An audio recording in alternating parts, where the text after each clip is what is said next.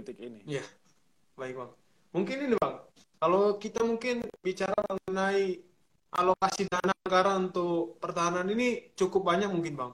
Mungkin bang bisa jelasin bang, untuk apa aja bang? Atau mungkin kalau kita bicara tentang pertahanan, kita kan tahu ada pindad nih bang. Sumber pindad tuh apakah Ya. langsung dari BUMN atau masuk dalam alokasi Kementerian Pertahanan atau dari mana bang? Karena kalau kita lihat kan pindad baru-baru ini kan mengeluarkan banyak alutsista bang. Gimana tuh bang? Alusista benar. Oke, jadi begini, yang namanya kita itu sangat viral ya dulu ya ketika Menteri Pertahanan kita Bapak Prabowo Subianto tidak ingin dipublikasikan soal anggaran pertahanan kita waktu rapat di DPR RI ya. Nah, tapi kalau kita lihat anggaran pertahanan kita ini adalah anggaran terbesar di Republik Indonesia. Jadi dibandingkan kementerian-kementerian lainnya, Kementerian Pertahanan lah yang mendapatkan anggaran terbesar ya. Nah, lalu, tapi untuk apa itu? Yang pertama kita harus tahu bahwa anggaran pertahanan itu dibagi lima teman-teman ya. Jadi yang pertama itu untuk Kementerian Pertahanan sendiri, yang kedua untuk Mabes TNI, dan tiga lagi itu Mabes TNI Angkatan Darat, Angkatan Laut, dan Angkatan Udara. Jadi ada lima. Jadi kalau dibagi-bagi juga menipis juga sebenarnya. Jadi banyak orang berpandangan bahwa oh ini ke mana ini dana ini. Bahkan untuk tahun 2021 Bapak Menteri Pertahanan kita Bapak Prabowo Subianto sudah me- mencanangkan akan mengusulkan 129 juta untuk anggaran pertahanan kita. Nah, kita lihat kembali kalau kita lihat bagaimana alusista kita. Misalnya kalau kita lihat data dari Global uh, Power itu, Firepower itu, bahwa menyatakan bahwa Republik Indonesia ini masih kalah alusistanya. Lalu anggaran pertahanannya diapain kan begitu. Nah, kalau anggaran pertahanan ini kan tidak semata-mata kita semua beli senjata, tapi masih ada untuk sumber daya peningkatan capacity building, ada juga untuk kesejahteraan para prajurit kita seperti itu. Nah, lalu kalau kita kaitkan dengan anggaran pertahanan, sebenarnya kita masih minim sekali anggaran pertahanan kita. Karena waktu kuliah di Universitas Pertahanan juga dijelaskan bahwa Indonesia itu masih menggunakan MEF. Apa itu MEF? MEF itu adalah minimum essential force. Jadi kita masih minimum aja, bahkan itu belum tercapai, ya. Jadi minimum, kalau kita udah melewati minimum itu, berarti pertahanan kita sudah semakin bagus gitu. Maksudnya standarnya kita sudah ada. Tapi sampai sejauh ini kita belum melewati yang namanya MEF tersebut. Minimum essential force demikian ya. Nah, terus kalau kita bicara pindad ya, pindad itu itu kan dibawa uh, kalau dipikir BUMN, tapi dia begini, kalau pindad itu kan uh, related banget dengan Keman karena dia memang sebagai uh, produktif ya, produsen industri pertahanan kita. Misalnya kalau kita ada kerjasama dengan seperti Korea Selatan, masalah kapal uh, kapal selam itu, KFX sama AFX itu kerjasamanya dengan Pindad nanti. Pindad nanti yang akan orang-orang Pindad yang punya uh, teknologi apa IT, orang-orang IT yang bisa bekerja sama begitu. Jadi Pindad itu uh, menghasilkan industri-industri pertahanan. Jadi kita juga ingin mencontoh seperti negara-negara besar seperti Amerika Serikat. Mereka itu kuat dana mereka itu karena memang pertahanannya kuat. Jadi mereka sengaja uh, mereka juga bisa menciptakan konflik untuk negara-negara lain. Semisal kita let's say kita bilang Korea Selatan dan Korea Utara. Korea Selatan di backup oleh Amerika Serikat, sedangkan Korea Utara di backup oleh Rusia. Nah, ketika mereka ada sedikit konflik, yang jualan senjata itu adalah Rusia dan Amerika Serikat. Jadi ketika kamu punya power, ketika industri pertahananmu bagus, kamu bisa ciptakan konflik di negara mana pun, lalu kamu jualan ke situ gitu loh. Nah, seperti itu ya. Jadi, nah, tapi kalau kita lihat industri pertahanan kita apakah sudah maju? Ya untuk seperti negara kita, menurut saya sudah bagus karena kalau kita lihat 11 kali, kalau tidak salah 11 kali atau 10 kali, Indonesia itu telah memenangkan kejuaraan berturut-turut. Kejuaraan menembak dengan Australia. ya Dan itu buatan Pindad loh, SS1. Demikian Niko ya. Mungkin ada lagi yang mau ditanyakan Niko terkait itu. Iya bang, kalau mengenai Pindad bang, baru-baru ini kan ada berita naik bang, kalau Pindad menjual kendaraan mobil bang, jenis Maung, Maung, namanya Maung bang. Mau, oh mau sipil. itu, ya ya. Siap. Ya harga kan 500 jutaan bang. Nah itu Hmm. tujuannya sebenarnya untuk apa bang? Ataukah Pindad ingin menjadikan lebih produktif lagi dengan lebih meningkatkan konsumsi masyarakat terkait terkait dengan produksi dari pindad atau ada tujuan lain bang dari Oke. kendaraan tadi bisa digunakan masyarakat sipil bang? Nah, itu mau itu sebenarnya waktu kunjungan Bapak Prabowo kemarin ya, dia sempatkan untuk coba itu alat itu. Nah, sebenarnya pindad itu juga sudah jualan ke negara-negara Afrika sana, teman-teman ya. Jadi kalau pindad hanya untuk pakai pakai untuk di negara kita juga kita kurang bagus juga. Ya kita harus cukupi dulu kemampuan kita juga. Tapi kalau kita bisa jualan, ya justru kita bagus gitu. Jadi kalau kita jualan ya berarti kita punya pemasukan. Jadi kalau kita pergi misalnya ke Kongo, ke pasukan perdamaian kita itu udah beberapa anoa itu buatan pindad sendiri. Jadi semakin banyak barang kita yang di, diperjualbelikan, dipakai di negara-negara lain, berarti itu menandakan bahwa kemampuan kita itu sudah semakin bagus gitu ya. Bahkan alat-alat kita sudah dipakai uh, oleh negara-negara lain seperti itu. Itu ada rekan saya itu menambahkan itu pindad itu jual maung yang beli kemhan ya. Karena Pak Prabowo memang kemarin kunjungan lalu dia kasih uh, kasih nama maung itu sempat viral juga oleh Bapak Prabowo kemarin ya Mungkin gini bang, belakangan kan beberapa waktu belakangan kita melihat bahwa Pak Prabowo dan Pak Jokowi kemarin kan meninjau ketahanan pangan bang. Sebenarnya apa nih bang nah. kaitan antara pertahanan dengan ketahanan pangan bang? Yang beberapa waktu lalu juga sempat menjadi pembicaraan di dunia maya bang.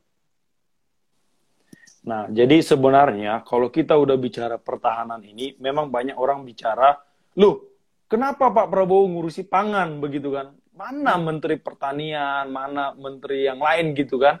Kok Pak Prabowo seakan-akan mengambil alih semuanya seperti itu. Tapi yang namanya pertahanan negara ini juga, hmm, kalau kita lihat ya, jadi kalau memang dalam negeri kita juga kacau, itu secara tidak langsung kita sudah dikalahkan oleh negara-negara lain seperti itu. Misalnya kalau kita impor, terus kita beli terus dari negara lain, itu sebenarnya pertahanan kita itu sudah dirongrong oleh negara lain. Nah, kalau saya melihatnya di sini, mungkin Pak Jokowi juga melihat bahwa pangan ini, ketahanan pangan ini menjadi salah satu ancaman kita ke depannya, karena kita juga jangan terlalu ketergantungan dengan negara lain. Nah, oleh sebab itu, Pak Prabowo ditunjuk sebagai orang yang dipercaya untuk ngurusi ketahanan pangan kita seperti itu.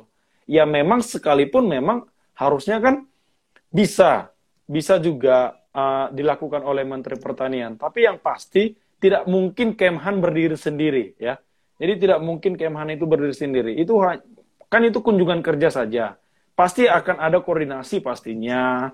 Pasti pelaksananya juga pasti di, di backup oleh Kementerian Pertanian seperti itu. Jadi pangan itu juga penting ya. Kalau dibilang pertahanan, semua itu pertahanan ya. Jadi karena kita menggunakan sisham kamrata tadi, sistem pertahanan dan keamanan semesta tadi ya. Rakyat semesta intinya seperti itu. Jadi melibatkan seluruh aspek seperti itu. kalau kita bicara mengenai undang-undang bang, kan itu kan ada pasal 30 ayat 1 sama pasal 7 ayat 3 bang. Yang menggunakan yang ah. berhak dan wajib ikut serta dalam pertahanan negara bang. Nah itu mekanisme seperti yeah. apa bang? Dan dalam keadaan seperti apa baru dapat digunakan itu? Oke, jadi begini ya. Kalau kita bahas lagi pasal 27 ayat 3 dan pasal 30 ayat 1. Kalau pasal 27 ayat 3 itu adalah tentang bela negara. Nah, kalau masalah pasal 30 itu adalah masalah sistem pertahanan negara. Nah, terus yang menjadi pertanyaannya adalah ketika ada kata-kata komponen cadangan, komponen utama, dan komponen pendukung, seperti itu. Nah, jadi kalau masalah bela negara konteksnya ya karena di pasal 27 ayat 3 itu hanya dicantumkan bahwa setiap warga negara berhak dan wajib dalam bela negara seperti itu ya kurang lebih seperti itu jadi berhak dan wajib dalam bela negara kalau pertahanan negara itu dijabarkan lagi nanti di pasal 30 itu bahwa ada komponen utama yaitu adalah TNI Polri dan berikutnya komponen pendukung Nah, komponen pendukung inilah yang menjadi uh, dari semuanya masyarakat tersebut. Jadi dosen dosen juga bisa karena itu mendukung. ataupun kamu jadi guru atau mau jadi dosen atau mau apa pun pekerjaan itu pendukung dalam uh, pertahanan negara. Lalu kenapa konsepnya seperti itu? Karena memang uh, konsep pertahanan sekarang ini tidak lagi hanya berbicara ancaman-ancaman seperti dulu perang konvensional ya. Jadi sekarang ancaman pun sudah dibagi tiga, yaitu ancaman militer, nir militer, sama ancaman hibrida. Jadi non militer sama hibrida. Jadi ada gabungan militer sama yang non militer. Jadi semua komponen bangsa ini harus dilibatkan dalam pertahanan negara. Demikian juga kalau kita melihat situasi pandemi Covid ini. Ya kalau hanya negara TNI Polri yang bergerak, saya pikir ini Indonesia akan sangat jatuh. Tapi kita harus melibatkan seluruh komponen bangsa. Kita libatkan pengusaha, kita libatkan aktivis, semua harus kita libatkan. Tinggal bagaimana implementasinya, siapa yang mengkoordinasinya, nah itu yang perlu di, diperhatikan lebih dalam lagi. Seperti itu. Kalau untuk masalah pengaplikasiannya, ya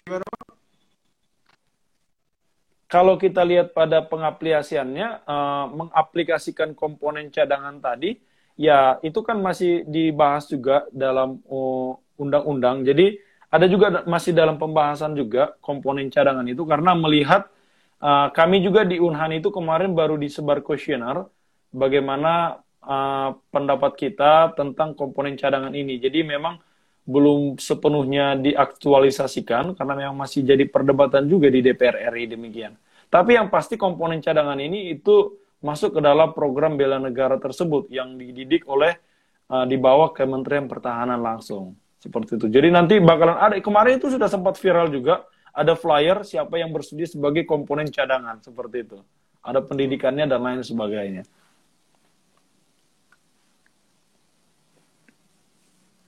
Mungkin ini Bang, kalau kita bicara mengenai kekuatan militer tadi Bang, kan ada dua negara besar yang menjadi pemasok militer Bang, angkutan militer itu. Seperti Rusia dan Amerika Serikat Bang. Nah, yang sepanjang yang saya amati nampaknya kita belum terlalu condong antara ke Rusia dan ke Amerika bang. Nah, yang mungkin abang bisa ini bang bagi pemahaman abang bagaimana hubungan bilateral Indonesia bang, khususnya dalam dunia militer dan geostrategi tadi bang dengan Rusia maupun dengan Amerika karena ini kan dua poros kekuatan militer dunia bang. Mungkin gimana itu bang? Oke, jadi ini memang menariknya kalau kita ngobrol ya sekalipun ngobrol santai dibilang kalau dengan aktivis mahasiswa ini memang pertanyaannya mendalam ya. Apalagi Bung Niko ini adalah Ketua Umum GMNI ya, Fakultas Hukum Universitas Sriwijaya. Saya tahu bagaimana GMNI di Sriwijaya memang beginilah.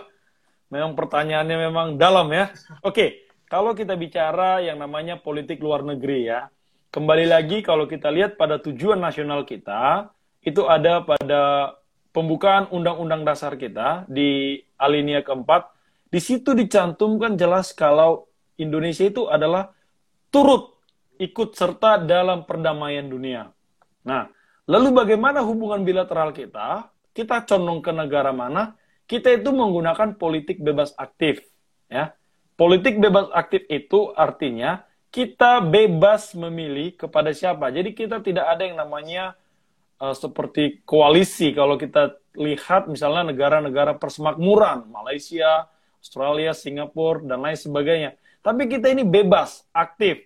Aktif namanya, aktif ikut dalam perdamaian dunia. Oleh sebab itu, negara Indonesia telah dipilih sebagai salah satu dewan uh, di PBB kemarin ya. Jadi salah satu dewan HAM juga sama Dewan Perdamaian Dunia juga kita kemarin dipilih ya Menteri Luar Negeri kita saat itu. Nah, jadi uh, lalu bagaimana dengan uh, Amerika? Apakah kita condong ke Amerika atau Rusia? Kita tidak condong kepada kedua uh, mana pun karena memang begini.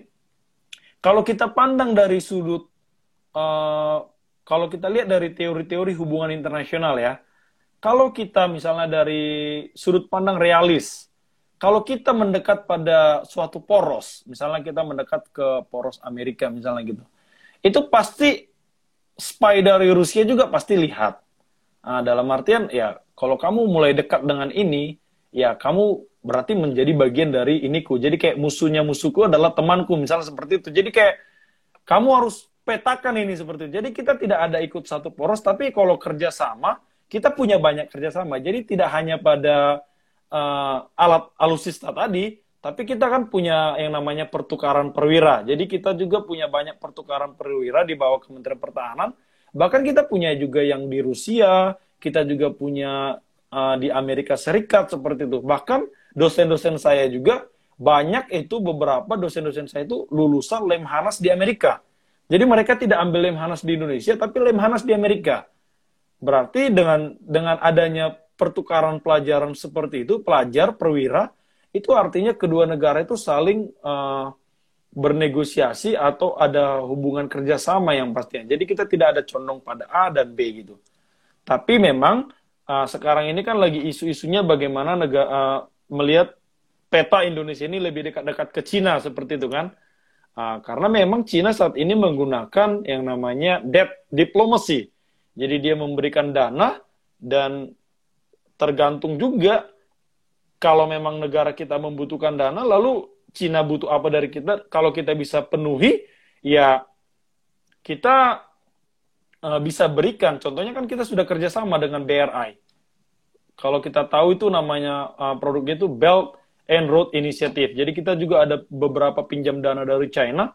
Lalu China minta apa dari kita? Misalnya mereka minta pelabuhan di utara Indonesia, ya kita berikan seperti itu. Mereka bisa akses uh, pelabuhan di sana dan lain sebagainya. Itu pasti ada uh, deal-dealan seperti itu.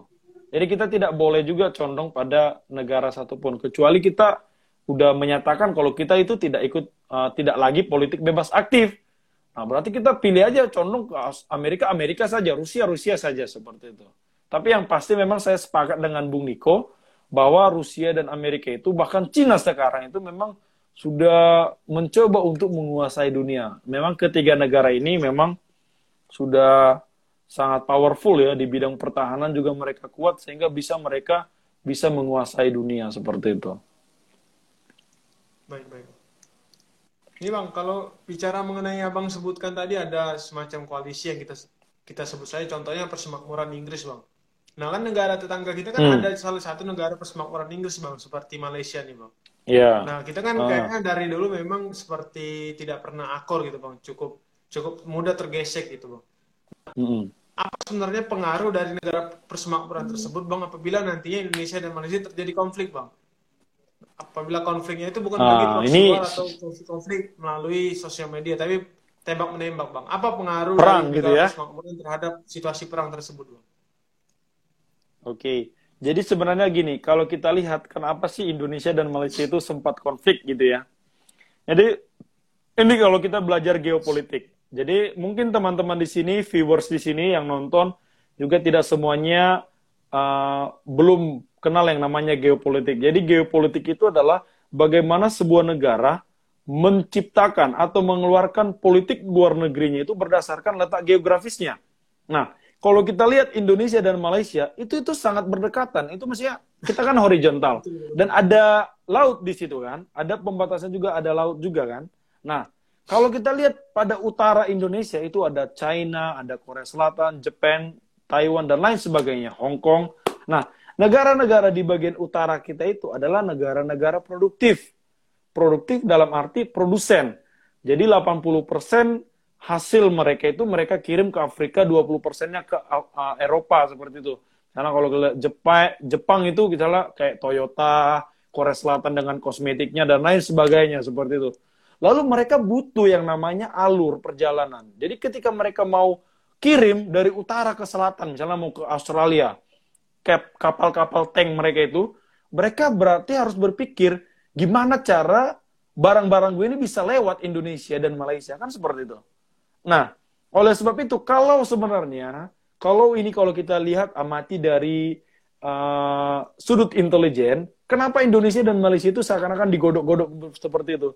Karena ada ketakutan oleh negara-negara di utara itu, kalau Indonesia dan Malaysia bersatu, kita bisa tutup itu laut jadi kita sepakat nih, udah dililah kalau ada kapal lewat kita minta cukainya berapa, pajaknya berapa. Tapi kita sengaja diperdebatkan memang Jadi kita aja konflik sehingga mereka nggak perlu bayar dan segala macam gitu. Jadi mereka nggak takut kalau Indonesia dan Malaysia ini bisa bersatu akan seperti apa nanti jalur perdagangan laut mereka seperti itu.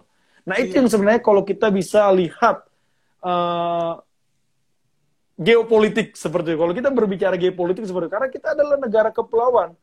Oleh sebab itu politik-politik kita itu harus mengandalkan kepulauan kita.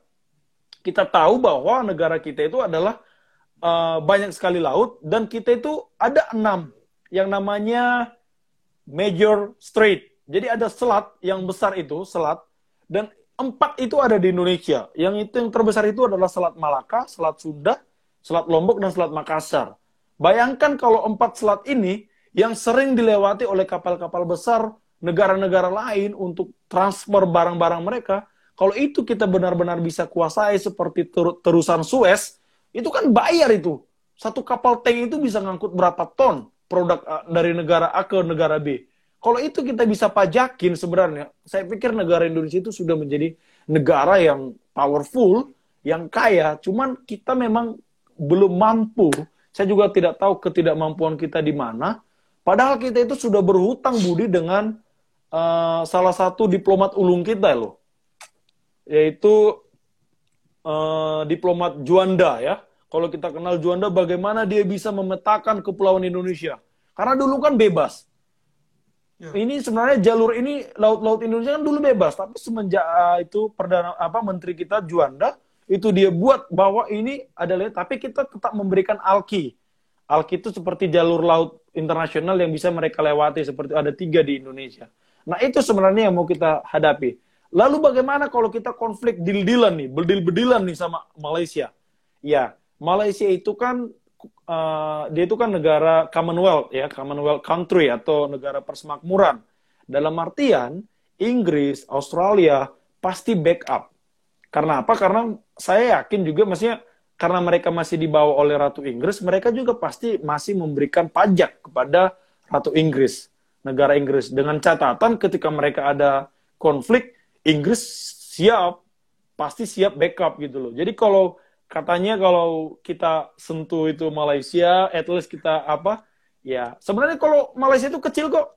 Singapura, saya pikir marinir kita bombardir selesai kalau memang mau bedil-bedilan.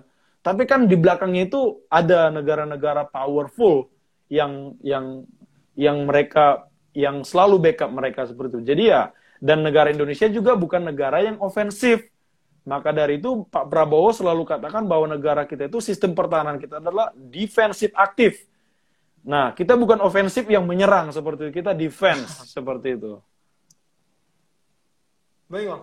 Mungkin nih, Bang, memang beberapa waktu lalu juga Pak Prabowo sering mengatakan bahwa kita adalah defensif nih, Bang. Nah, mungkin Abang bisa berbagi pengetahuan nih, Bang. Sebenarnya apa sih, Bang, korelasi dari defensif yang dikatakan Pak Prabowo dengan daerah maritim yang Indonesia miliki gitu bang karena begitu luas negara Indonesia kok kita defensif gitu bang apakah karena luasnya atau mungkin ada nah. faktor lain yang membuat kita cenderung defense gitu Oke, jadi sebenarnya defense di situ bukan karena kita luas ya. Jadi defense di situ karena memang kita cinta damai. Jadi kita cinta damai tapi kita lebih cinta kemerdekaan. Defense di situ bukan berarti kita tidak berani berperang ya tidak berani berperang tapi kita lebih bagaimana ya bertahan ya defensif bukan ofensif karena kita juga turut nah itu tadi yang saya katakan turut dalam uh, ikut dalam perdamaian dunia jadi kalau kita menyerang itu artinya bukan negara yang men, bukan negara yang cinta damai seperti itu yes. tapi kita lebih antisipatif seperti itu karena memang politik luar negeri kita juga seperti itu politik bebas aktif dan kita juga di, dipercaya oleh Dewan Keamanan Tidak Tetap PBB ya. Jadi negara kita masuk dalam salah satu Dewan Keamanan Tidak Tetap ya. Bagaimana perdamaian dunia. Jadi ya kita itu defensif tapi kita standby gitu ya.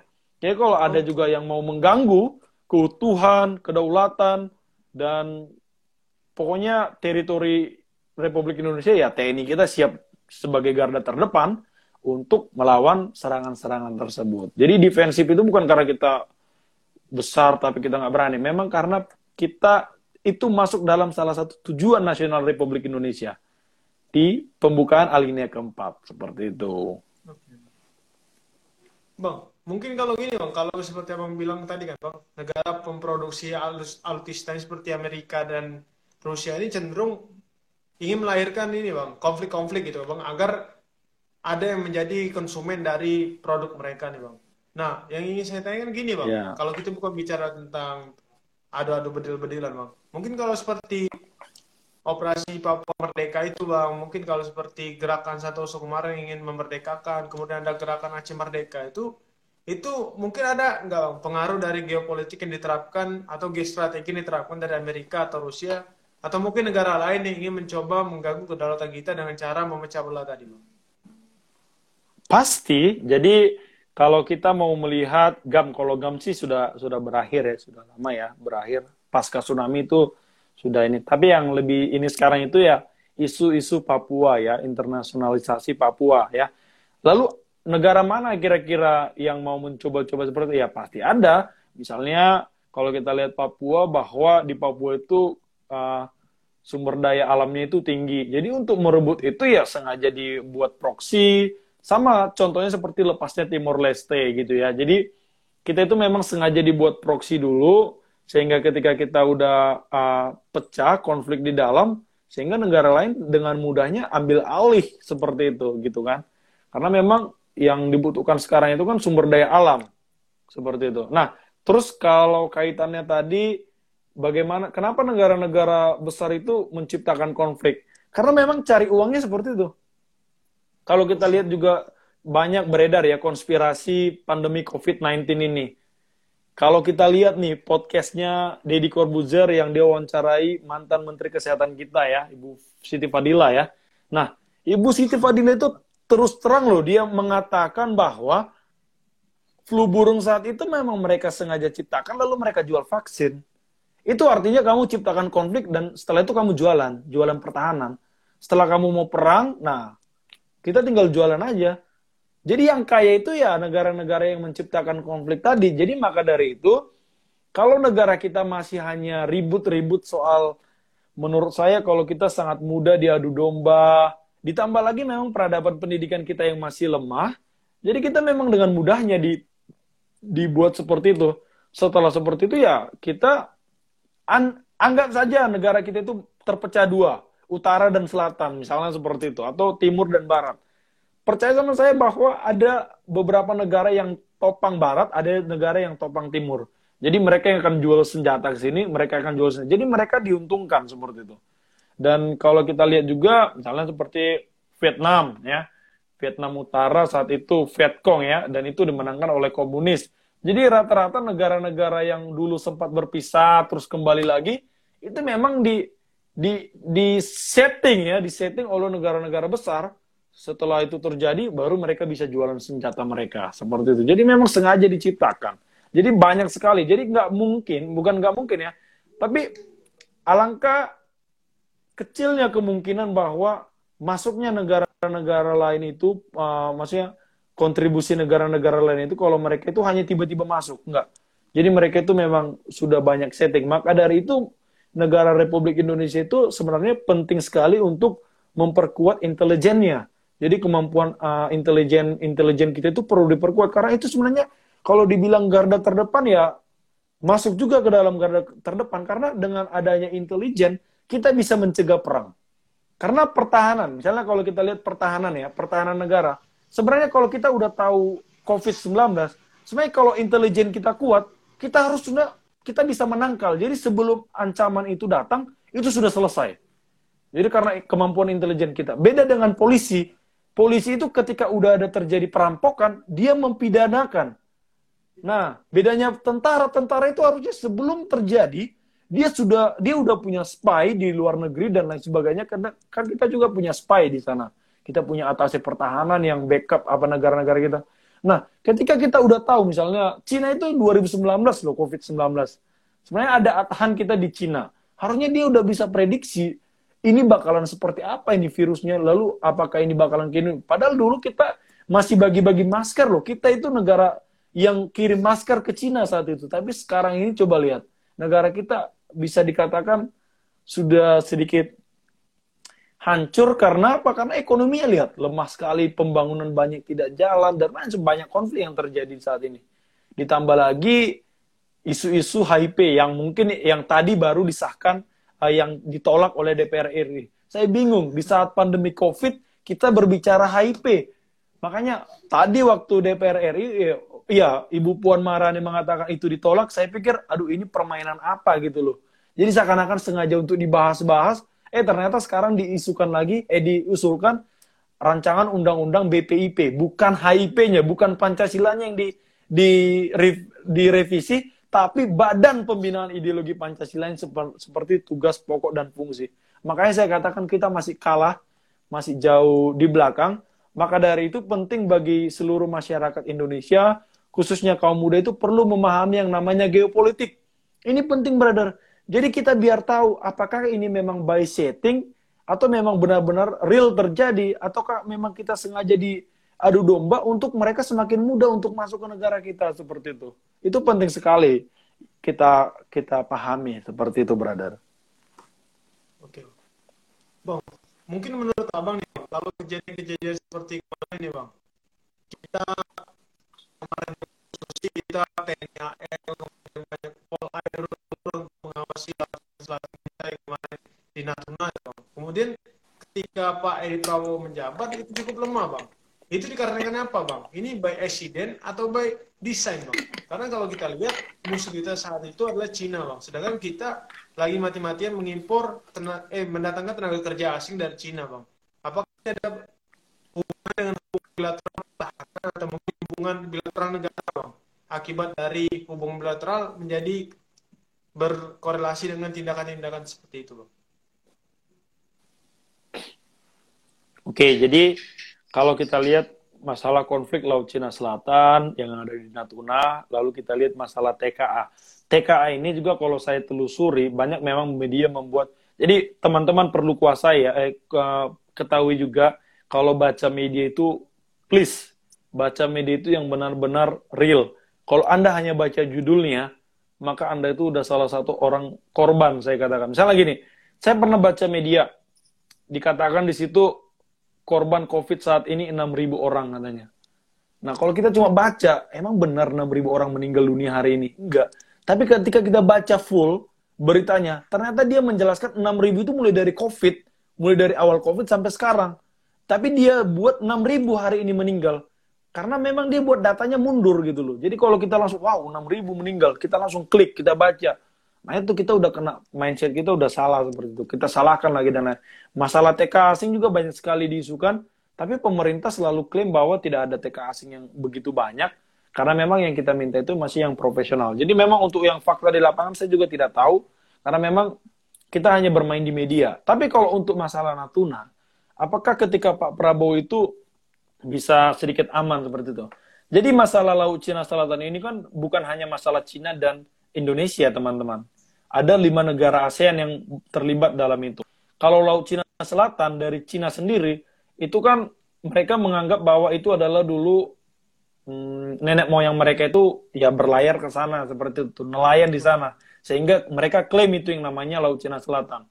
Nah, kalau Indonesia kan klaimnya ya karena memang batas teritori kita JEE kita. Nah, untuk sekarang ini memang di Laut Cina Selatan itu kan kemarin ada isu untuk mau perang lah Amerika sama Cina. Mereka sudah buat kapal induknya di sana, mereka sudah kirimkan personilnya di sana. Tapi yang menjadi pertanyaan, apakah mereka sekarang ini masuk pada uh, eh, JEE kita? Kalau kita nonton YouTube dari Pak Menko Polhukam, Pak ini Mahfud MD saat itu diwawancarai salah satu ini, lalu dia dibawa ke Bakamla waktu dibawa ke Bakamla, ternyata sekarang itu kapal-kapal asing itu sudah sudah sedikit, tetap masih ada, tapi sedikit yang masuk ke wilayah ZEE kita. Nah, yang di wilayah ZEE kita itu itu memang bukan untuk mau apa ya, bukan mau untuk perang, tapi memang mereka untuk menangkap ikan seperti itu. Jadi kalau untuk pengawasannya memang karena memang sudah semakin uh, sudah semakin ini sih menurut saya dalam artian sudah semakin tidak seperti yang kemarin memang banyak banget kapal-kapal asing itu yang masuk di sana. Ditambah lagi kemampuan teknologi kita dengan adanya uh, kejadian kemarin kita juga udah memperkuat teknologi seperti drone, jadi kita bisa pantau. Jadi di Bakamla itu kemarin di YouTube itu saya juga lihat bahwa ada itu yang namanya besar sekali layar. Jadi kita bisa lihat situasi langsung di Natuna Utara sana seperti itu. Jadi kalau sekarang dibilang makin lama sih enggak juga. Maka dari itu saya lihat uh, Pak Yudo Margono, mantan Pangkop Gap Wilhan 1 diangkat menjadi Kepala Staf Angkatan Laut. Karena mungkin saya lihat dia punya prestasi ngurusin masalah Natuna Utara di sana seperti itu. Baik Bang. Mungkin ini Bang, pertanyaan terakhir dari saya nih Bang. Nah, kita tahu kan mengenai okay. kekuatan militer Indonesia nih Bang. Mengapa Indonesia tidak cenderung yeah. memperbanyak jumlah personil di lapangan Bang? Karena saya melihat sendiri Bang, di Palembang itu kuota penerimaan di Palembang itu untuk TNI AD itu tidak ada gitu Bang. Sebenarnya kenapa, maksudnya pertanyaannya kenapa Indonesia tidak memperbanyak personilnya Bang? Untuk mendukung kekuatan militernya Bang. Mungkin demikian Bang. Oke, namanya sebenarnya ini lebih ke internal TNI ya, karena ada manajemen uh, sumber daya mereka itu kalau kalau tidak salah aspers mereka ngurusin ini ya, asisten personalia TNI gitu ya. Kenapa uh, prajurit kita sedikit seperti itu? Kalau tidak salah prajurit kita itu memang hanya 100 eh, 360 ribu kalau tidak salah ya prajurit TNI kita. Lalu kenapa kita tidak perbanyak? Sebenarnya kalau kita amatin, uh, ini bisa jadi peran intelijen juga jadi intelijen yang bermain di sini. Dalam artian intelijen sudah pandang bahwa kita memang tidak terlalu penting yang namanya prajurit. Karena memang uh, dulu kan memang sistemnya negara A misalnya duduki ya kuasai setelah setelah dia kalahkan lalu dia kuasai negara itu. Nah, mungkin dia melihat bahwa saat ini perang itu sudah masuk pada perang-perang mindset. Maka dari itu dia sekarang libatkan yang namanya komponen cadangan karena memang justru orang-orang sipil itu adalah orang-orang yang uh, menjadi sasaran dan menjadi uh, selain menjadi sasaran menjadi orang-orang yang hebat juga. Orang-orang sipil ini kan rata-rata kuasai teknologi dan lain sebagainya. Jadi jangan sampai mindset kita diproksi oleh negara-negara lain tersebut. Jadi kita seperti membuat yang namanya program bela negara itu. Jadi sebenarnya ini kan komponen utama TNI Polri. Maka dari itu komponen cadangan. Intinya jadinya seluruh bangsa itu menjadi pertahanan negara. Cuman mungkin bisa menjadi salah satunya masalah anggaran. Anggaran pertahanan kita. Karena untuk menggaji personel itu uh, tidak mudah ya. Maksudnya karena mereka itu udah hidup matinya itu untuk negara. Jadi pasti anggarannya sudah semakin banyak. Jadi tingkat kebutuhan itu mereka akan lihat pada situasi uh, bagaimana in kemampuan intelijen kita menganalisa apakah kita bakalan ada perang di 5-10 tahun ke depan apa kira-kira yang menjadi potensi perang.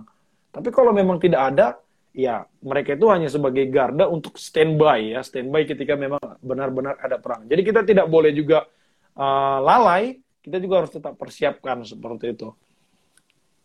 Ya, saya pikir seperti itu ya kalau karena itu masih lebih ke internal ya, sumber daya manusia kenapa mereka itu pasti intelijennya yang bermain. Dan itu namanya perannya diplomasi jadi kalau diplomasi ini ya sebelum perang ya ini yang namanya negosiasi. Kita berdiplomasi dengan negara-negara lain agar kita bisa meniadakan perang. Karena perang itu biayanya mahal. Kalau perang teman-teman itu sama aja yang menang jadi arang, yang kalah jadi abu, sama-sama terbakar. Cuma yang menang jadi arang mungkin dia ruginya kecil ya. Tapi yang kalah itu benar-benar jadi abu, udah dia habis uangnya, dia negaranya diambil sama negara lain seperti itu. Jadi itu prinsipnya ya, yang menang jadi arang, yang kalah jadi abu, teman-teman. Ini sama-sama habis dananya. Jadi untuk meniadakan perang itu diadakanlah diplomasi. Jadi makanya banyak orang berpendapat bahwa diplomasi itu adalah kegiatan untuk meniadakan perang. Nah, seperti itu. Kalau diplomasi gagal, perang juga siap seperti itu. Jadi perang juga siap seperti itu. Ya, seperti baik, itu, Nico. Mungkin nih bang untuk menutup diskusi kita kali ini mungkin abang ada sedikit ya. pesan-pesan atau himbauan untuk teman-teman nih bang mengenai geopolitik atau mengenai pertahanan atau apa pun itu bang. Oke, okay. sebenarnya kalau geopolitik ini kalau kita pelajari ya ini sebenarnya sangat enak ya dipelajari karena ini juga dulu awalnya dari Jerman ya pada kalau salah abad ke-20 ya. Setelah itu negara-negara lain mencoba untuk mempelajari soal geopolitik ini. Nah, sebenarnya untuk teman-teman uh, saya pribadi juga uh, sangat berterima kasih bisa kuliah di Universitas Pertahanan. Selain saya bisa dalami ilmu pertahanan, yang dulunya saya nggak tahu sama sekali teman-teman tentang pertahanan, tapi saya coba untuk masuk ke dalam dunia ilmu pertahanan. Nah, kalau untuk anak muda saat ini, cobalah untuk melihat situasi saat ini tidak hanya melihat semata gitu ya, seperti membaca berita itu adalah kemampuan kita berpikir loh. Kalau kita hanya cuma baca judulnya, selesai lah kita. Karena kita udah tuh baca judulnya, baca judul. Banyak sekarang sekarang ini clickbait. Jadi kalau kita di YouTube itu juga bilang namanya clickbait ya. Jadi judulnya beda sama apa yang ada di isinya gitu loh. Ya kalau kita cuma lihat judulnya kita klik udah. Jadi doktrinnya sudah berbeda. Nah itu yang menurut saya. Jadi untuk kita lebih critical thinkingnya itu lebih dimainkan lagi. Memang saya tahu peradaban pendidikan kita juga masih lemah. Tapi untuk teman-teman semuanya, banyak kok beasiswa-beasiswa yang ditawarkan oleh negara, swasta maupun negara lain. Oleh sebab itu, berebutlah, berjuanglah untuk mendapatkan beasiswa-beasiswa itu, biar pemahaman-pemahaman kita nanti itu semakin meningkat. Jadi saya pikir negara ini akan semakin lebih baik ketika generasinya itu memperbaikinya. Jadi kalau generasi kita misalnya sekarang nih, rata-rata sudah memiliki pendidikan yang bagus, peradaban pendidikan, cara berpikirnya bagaimana. Jadi kita tidak mudah diproksi. Coba deh kita lihat kemarin berita masalah yang demonstrasi masalah PKI, terus mereka bakar-bakar PKI, bakar-bakar salah satu bendera partai. Saya pikir rame-rame. Dan itu di media viral loh. Ditanya oleh salah satu media BBC, ditanya, Mas ini ada apa sih sebenarnya? Terus orang yang ditanya itu bilang, tanya yang di depan aja pas. Saya nggak ngerti, saya ikut-ikut aja. Beberapa ada empat orang ditanya seperti itu, tanya yang di depan, tanya yang di depan. Nah, inilah yang saya maksud. Kita jangan mau lagi sangat mudah kita dikelompok-kelompokkan, sangat mudah kita diadu domba. Benar, itu nyata loh. Jadi kita itu sangat mudah di, makanya kalau dibilang kalau ketidakmampuan kita mengatasi masalah-masalah ini ya selesailah kita. Seperti itu. Dan itu menjadi tanggung jawab semua bangsa, ah, semua komponen bangsa. Jadi saya pikir Niko ini sudah me menunjukkan atau membuktikan bahwa kepeduliannya terhadap negara ini dengan mengadakan seperti ini. Justru podcast-podcast ini yang perlu dibangun ya. Karena ada banyak di luar sana tokoh-tokoh nasional yang bisa diundang untuk bisa sharing. Karena saatnya Instagram itu tidak hanya untuk share your picture uh, di mall atau etc itu juga boleh tapi bagaimana lebih meningkatkan kemampuan critical thinking kita, cara pemahaman kita terhadap negara maupun dunia seperti itu. Oke. Baik, Bang. Mungkin cukup sampai di sini dulu, Bang, diskusi kita karena keterbatasan waktu. Mungkin di lain kesempatan kita akan mengangkat tema diskusi lain yang lebih interaktif dan isu yang memang lagi berkembang di tengah masyarakat, Bang. Siap. Bung Niko ya. Kalau GMN itu panggil Bung ya. terima kasih Bang udah mau bersama dengan kami untuk podcast ini. Mungkin nanti kita share di IGTV dan di channel YouTube Bang agar teman-teman bisa bergabung yang belum bisa hadir saat ini Bang. Siap, mantap Bung Niko. Salam bela negara. Salam bela negara Bang. Baik Bang, ini izin untuk diselesaikan dulu Bang karena keterbatasan waktu tadi Bang. Oke, okay, siap. Izin.